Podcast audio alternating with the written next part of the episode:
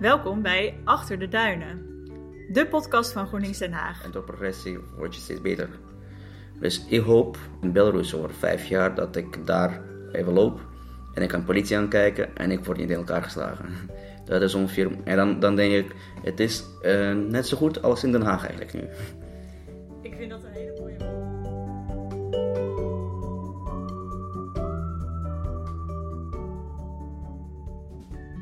Daarnet hoorde je Ilja. Ilja komt oorspronkelijk uit Belarus en is een van de organisatoren van de demonstraties tegen het huidige regime in Belarus. We praten met hem over de huidige situatie, waarom het ook belangrijk is om in Nederland te demonstreren en hoe je binnen de maand een krachtige oppositiebeweging organiseert.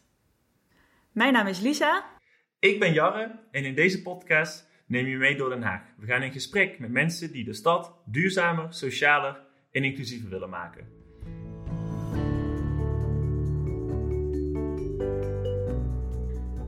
Welkom allemaal. Naast mij zit Ilja. Uh, Ilja, wil jij jezelf even voorstellen en kort vertellen wat je doet en wat jouw banden zijn met Wit-Rusland?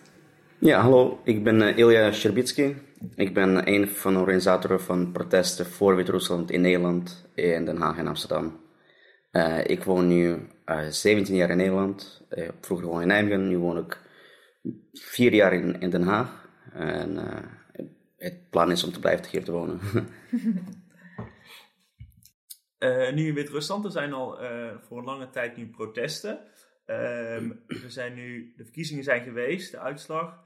Uh, waar staan we nu precies in het proces? En kan je een korte schets geven, een korte aanloop waar we nu dan op dit moment zijn? In de... ja. Nou, we gaan eerst beginnen met, het is Belarus nu. We willen dat het genoemd, genoemd wordt als Belarus, omdat het overal is Belarus en dan in behalve Nederland en Duitsland. Dus we, we Ah, proberen, we proberen dat te wijzigen, dat is één. en de tweede is, ehm, eh, we be- beginnen vooral eigenlijk in 1994, eh, toen de huidige president aan de macht kwam. Hij kwam aan de macht en binnen twee jaar heeft hij gewoon eh, alle politieke leider, oppositieleiders weggeschoven uit de weg en zijn eigen mensen opgezet op belangrijke plekken in, in, de macht. En in 26 jaar heeft hij meerdere mensen vermoord, hij heeft politieke repressies uitgevoerd, maar dan allemaal wel op kleine schaal. En omdat eh, de meeste bevolking was eigenlijk tevreden met een stabiele land, was niemand heel veel tegen hem. Hij kon doen wat hij wou en iedereen dacht, van ja, het is prima dat we hebben heel lang een leider. Want er waren protesten in 2006, er waren protesten in 2010, er waren geen nou, kleine protesten in 2015. Ehm, maar niemand had verwacht protesten zoals het nu zijn. Ehm, die zijn uitgebroken in de afgelopen tijd. Eh, je kan het toewijden aan eh, een paar verschillende problemen. Eh, economische stagnatie. De politieke repressies van de overheid. Dus als je wilt een bedrijf beginnen in Wit-Rusland, wordt je heel moeilijk gemaakt om dat te doen. De politie komt naar jou, de maffia komt naar jou. Eh, eh, en dan moet je nog eigen geld ook nog maken erbij. Dus alle drie factoren, eh, eh, het is niet gewenst om daar te, zijn eigenlijk. Als je niemand kent, dan is het heel moeilijk om verder te gaan. Dus je zag ook naast het laatste jaar heel veel immigratie van mensen. naar verschillende landen, hier in Europa en Amerika, gewoon echt overal, behalve Rusland. En eh, het is bijna nu 10% me- van mensen immigreren. Het stijgt steeds elke jaar. Dus eh, allerlei dat soort dingen. En dan kom je terecht bij het COVID, eh, COVID-19, coronavirus eh, probleem. Eh, de president zei, "Ha, als je speelt ijshockey en je drinkt vodka en je gaat naar sauna, dan heb je een corona. En dat was een, ons standpunt, de hele coronavirus. Hij zei, we hebben geen corona in Wit-Rusland, in Belarus. En daardoor, iedereen begon van te denken, wat gebeurt hier eigenlijk? we hebben een gek aan de macht. en het gingen mensen echt in hun, hoofd zien, we hebben echt een gek aan, eh, hier aan. Die zegt, je gaat maar ijshockey spelen en ga maar naar een sauna en drink wat vodka en dan ben je beter. Eh, ik weet toen ik eh, de nieuws lag, ik dacht, oh, nieuws over Belarus. Oh, nou, Lukashenko zei dit. Oh ja, tuurlijk. Het is een belachelijke ding. En eindelijk kwamen we terecht met goede oppositieleiders. goede leiders die hadden realistische ideeën voor de toekomst. Maar ze werden in gevangenis genomen. Eh, en daardoor eh ontstonden kleine protesten in het begin van de verkiezingen-periode, in, de- in juni. En je zag hoe de politie reageerde. Ze gingen gewoon mensen slaan, in gevangenis zetten. Gewoon omdat je buiten was. Dus je, je hoeft niet eens naar protest te gaan. Als politie zegt je hebt verdacht, word je gewoon opgepakt en 15 dagen in gevangenis gezet. Eh, dat is ongeveer de situatie tot, tot 9 augustus, tot de verkiezingsdag eh, geweest.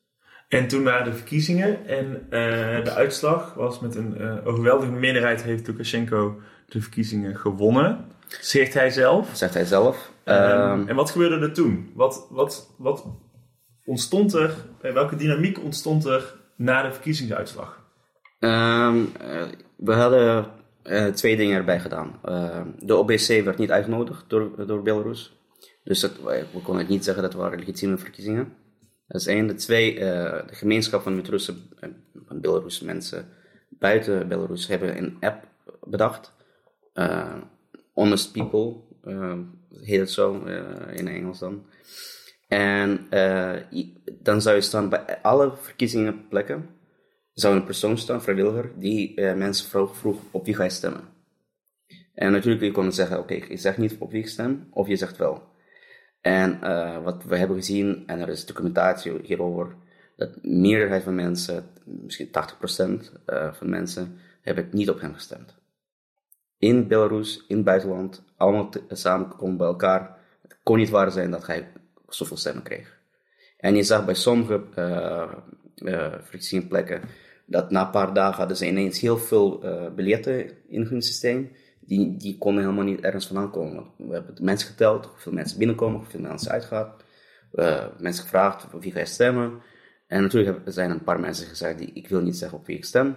Maar uiteindelijk, eh, de meerderheid, echt de meerderheid, we kunnen zeggen op 85% van mensen, eh, dat die, ze hebben niet op hem gestemd. Ja. En ehm eh, nou ja, goed, inderdaad, we hebben gezien eh, waar dat toe leidde. Hè. De bevolking accepteerde eh, niet meer dat Lukashenko deze overwinning voor zichzelf claimde. Ehm, in Belarus grote protesten. Maar jij hebt ook hier in Den Haag een, een demonstratie georganiseerd. Kun je uitleggen nou ja, hoe, waarom je het belangrijk vond Ja. dat hier ook in Den Haag gedemonstreerd werd en wat je daarmee wilde bereiken? Eh, ten eerste, we hadden ook paar protesten door de zomer al georganiseerd. We hadden gewoon aandacht eh, gegeven voor alle politieke repercussies in, Rus- in Belarus tijdens de verkiezingen, voor de verkiezingen en het jaar daarvoor. En omdat ik denk niet dat heel veel mensen snappen wat gebeurt in, in het midden van Europa. Het is het midden van Europa, in Belarus, en je hebt nog steeds doodstraf of, of mensen verdwijnen. En, dan, dan worden ze ineens gevonden in een bos of zo. En we vonden het belangrijk dat mensen weten wat gebeurt in het land. Uh, dat het is zo'n beetje de buurman van, van Europa. Uh, het is om, uh, heel belachelijk wat gebeurt daar. En je, en je zegt inderdaad de, de buurman van Europa. Ja. Uh, wat vind je dat Europa zou moeten doen? De Europese Unie zou moeten doen? Um, en dan kom ik terug naar de vraag waarom is het Den Haag. In Den Haag heb je een mechanisme die steunt mensenrechten overal. Het, Den Haag is bekend, vrijheid en dus vrijheid nog iets anders. Stad van vrede en recht. Ja, vrede en recht. Vrede, ja. vrede en recht. en uh, doordat uh, als je goede mechanismen van recht hebt in je land, uh, dan verbetert het meeste land. Wanneer je gelooft weer in het systeem en je gelooft weer dat het oké okay komt met jou. Je, je, als ik ben in Belarus, dan ben ik bang naar de politie te gaan. Of ben ik bang naar de politie te kijken. Je kunt je voorstellen, dan, je je voorstellen dat je gewoon in Den Haag loopt, dan ben je bang om naar de politie te kijken. Uh, want dan word je in elkaar geslagen of je krijgt 15 dagen in gevangenis.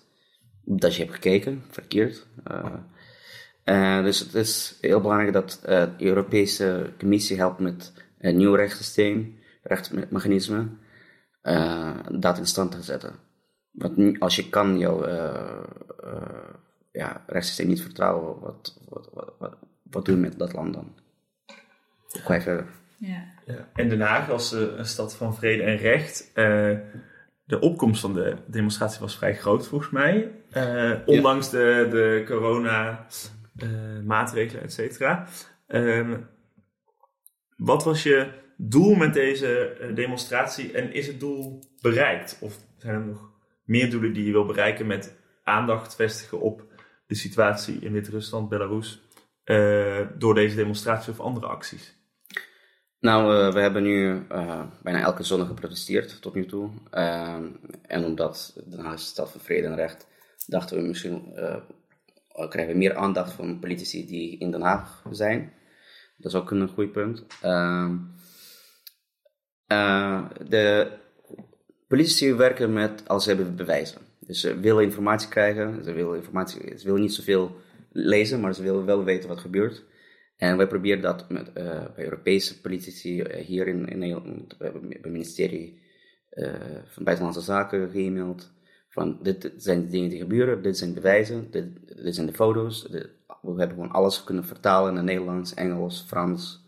En zodat politici weten wat gebeurt in het land. En met onze grote marge hadden we ook bedacht dat we willen de, want er zitten al, allerlei ambassades hier dat ook de ambassadeurs van verschillende landen weten wat gebeurt in het land. En ambassadeur van uh, Belarus zit ook in Den Haag. Dus die wouden we ook aanspreken, die, hoe zijn positie staat voor. Wat, wat, wat denk jij over? Um, en is dat gelukt? Hebben jullie hem kunnen spreken? Uh, de, ja, de eerste dag uh, hij zei: Oké, ik wil vijf mensen die kunnen bij mij binnenkomen en we kunnen over verschillende dingen praten. Maar dat was, uh, we kregen gewoon hetzelfde verhaal wat we horen altijd van de politici. het was niet zoveel nieuws. En uh, nu zijn de acties uh, elke zondag. Ehm, de aandacht voor Belarus wordt ook in de Nederlandse media steeds groter. Ja.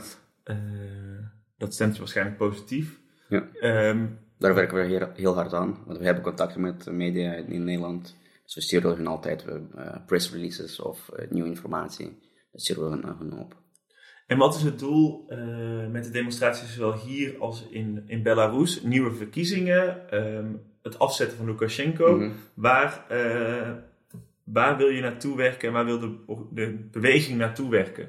Um, uh, we hebben vier hoofddoelen en er zijn deze vier doelen overal gelijk. Dus als je protesteert in Canada, Australië, Fr Frankrijk, vier.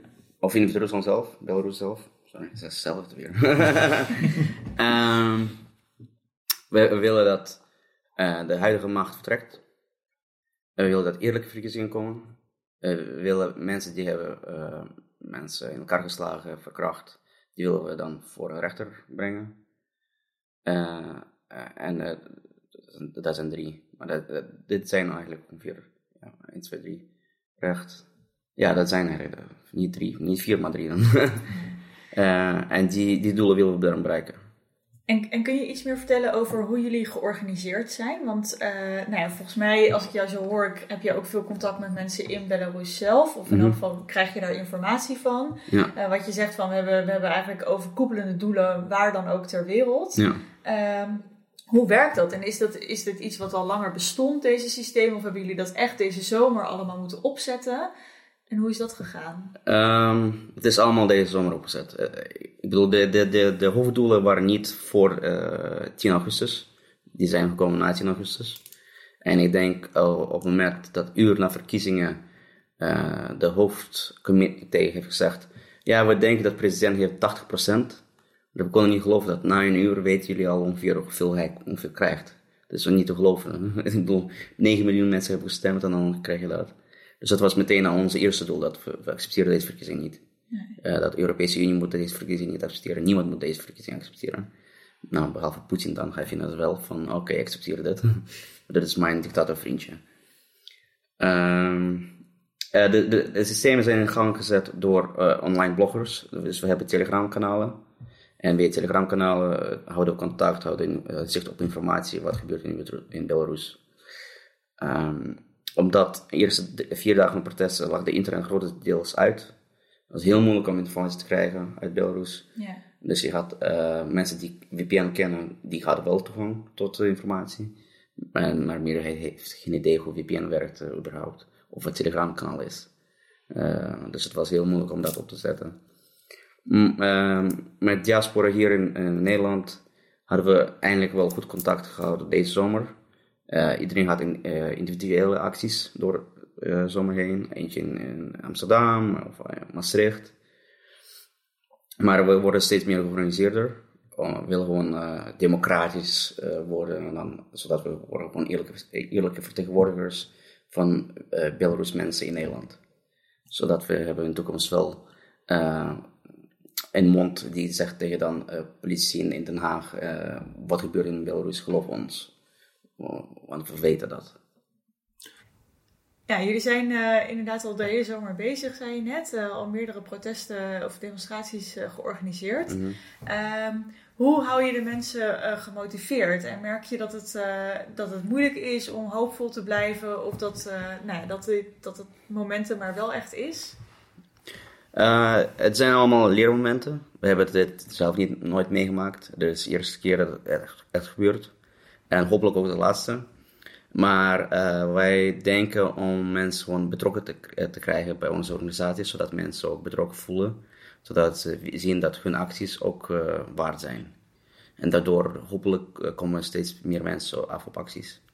Want als je hebt zelf de mensen die dingen doen, organiseren, petities schrijven of naar politie schrijven, doordat je bent bij betrokken, ben je ook, voel je ook dat ik ga naar de protest en mijn mening uh, scheelt ook uh, dingen. Ja.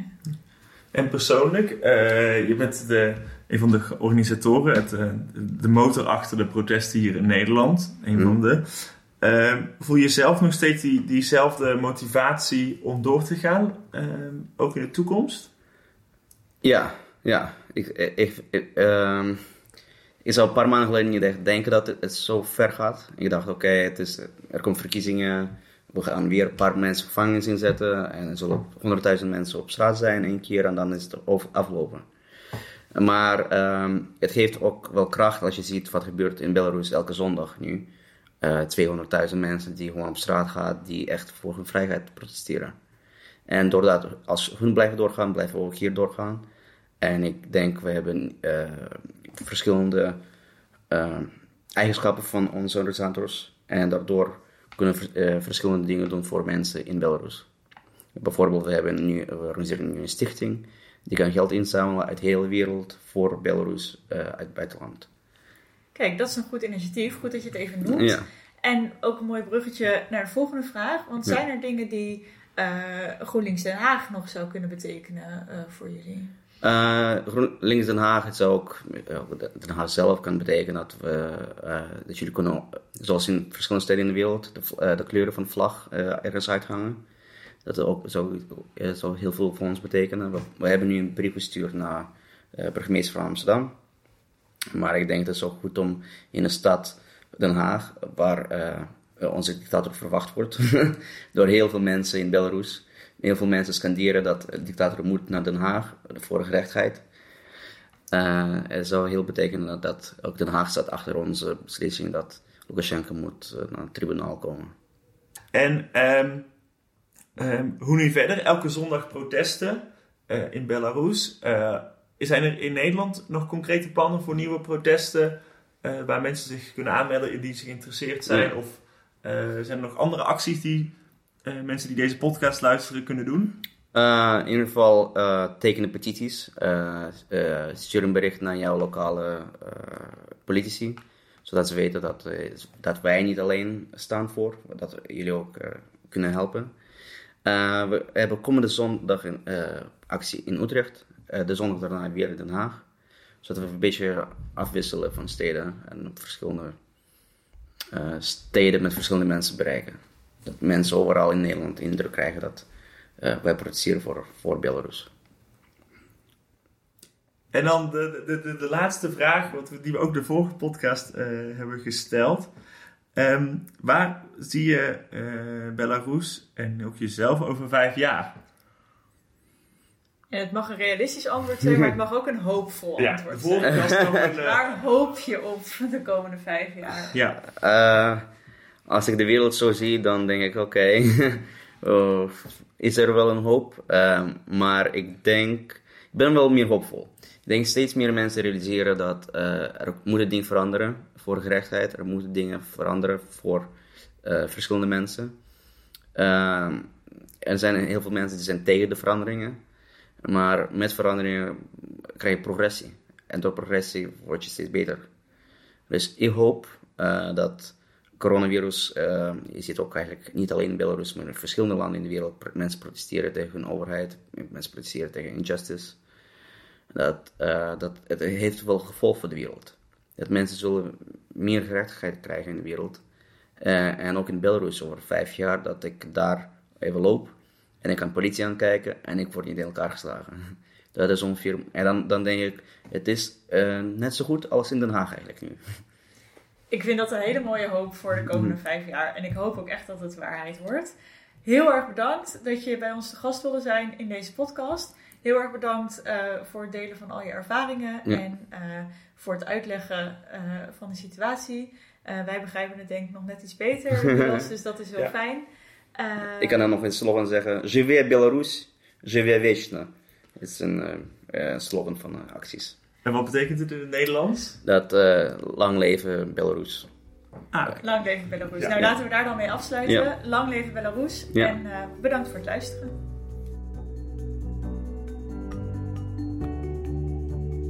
We zijn alweer bij het einde gekomen van deze podcast. Uh, dus we gaan afsluiten. Vergeet je niet te abonneren op deze podcast in je favoriete app. Stuur hem vooral door naar al je vrienden. Volg ons op Facebook, Twitter, Instagram of via de maandelijkse nieuwsbrief van GroenLinks Den Haag. En tot de volgende keer. Doei! Achter de Duinen wordt geproduceerd door GroenLinks Den Haag. En de muziek van deze aflevering is Up and Over van de Blue Dot Sessions.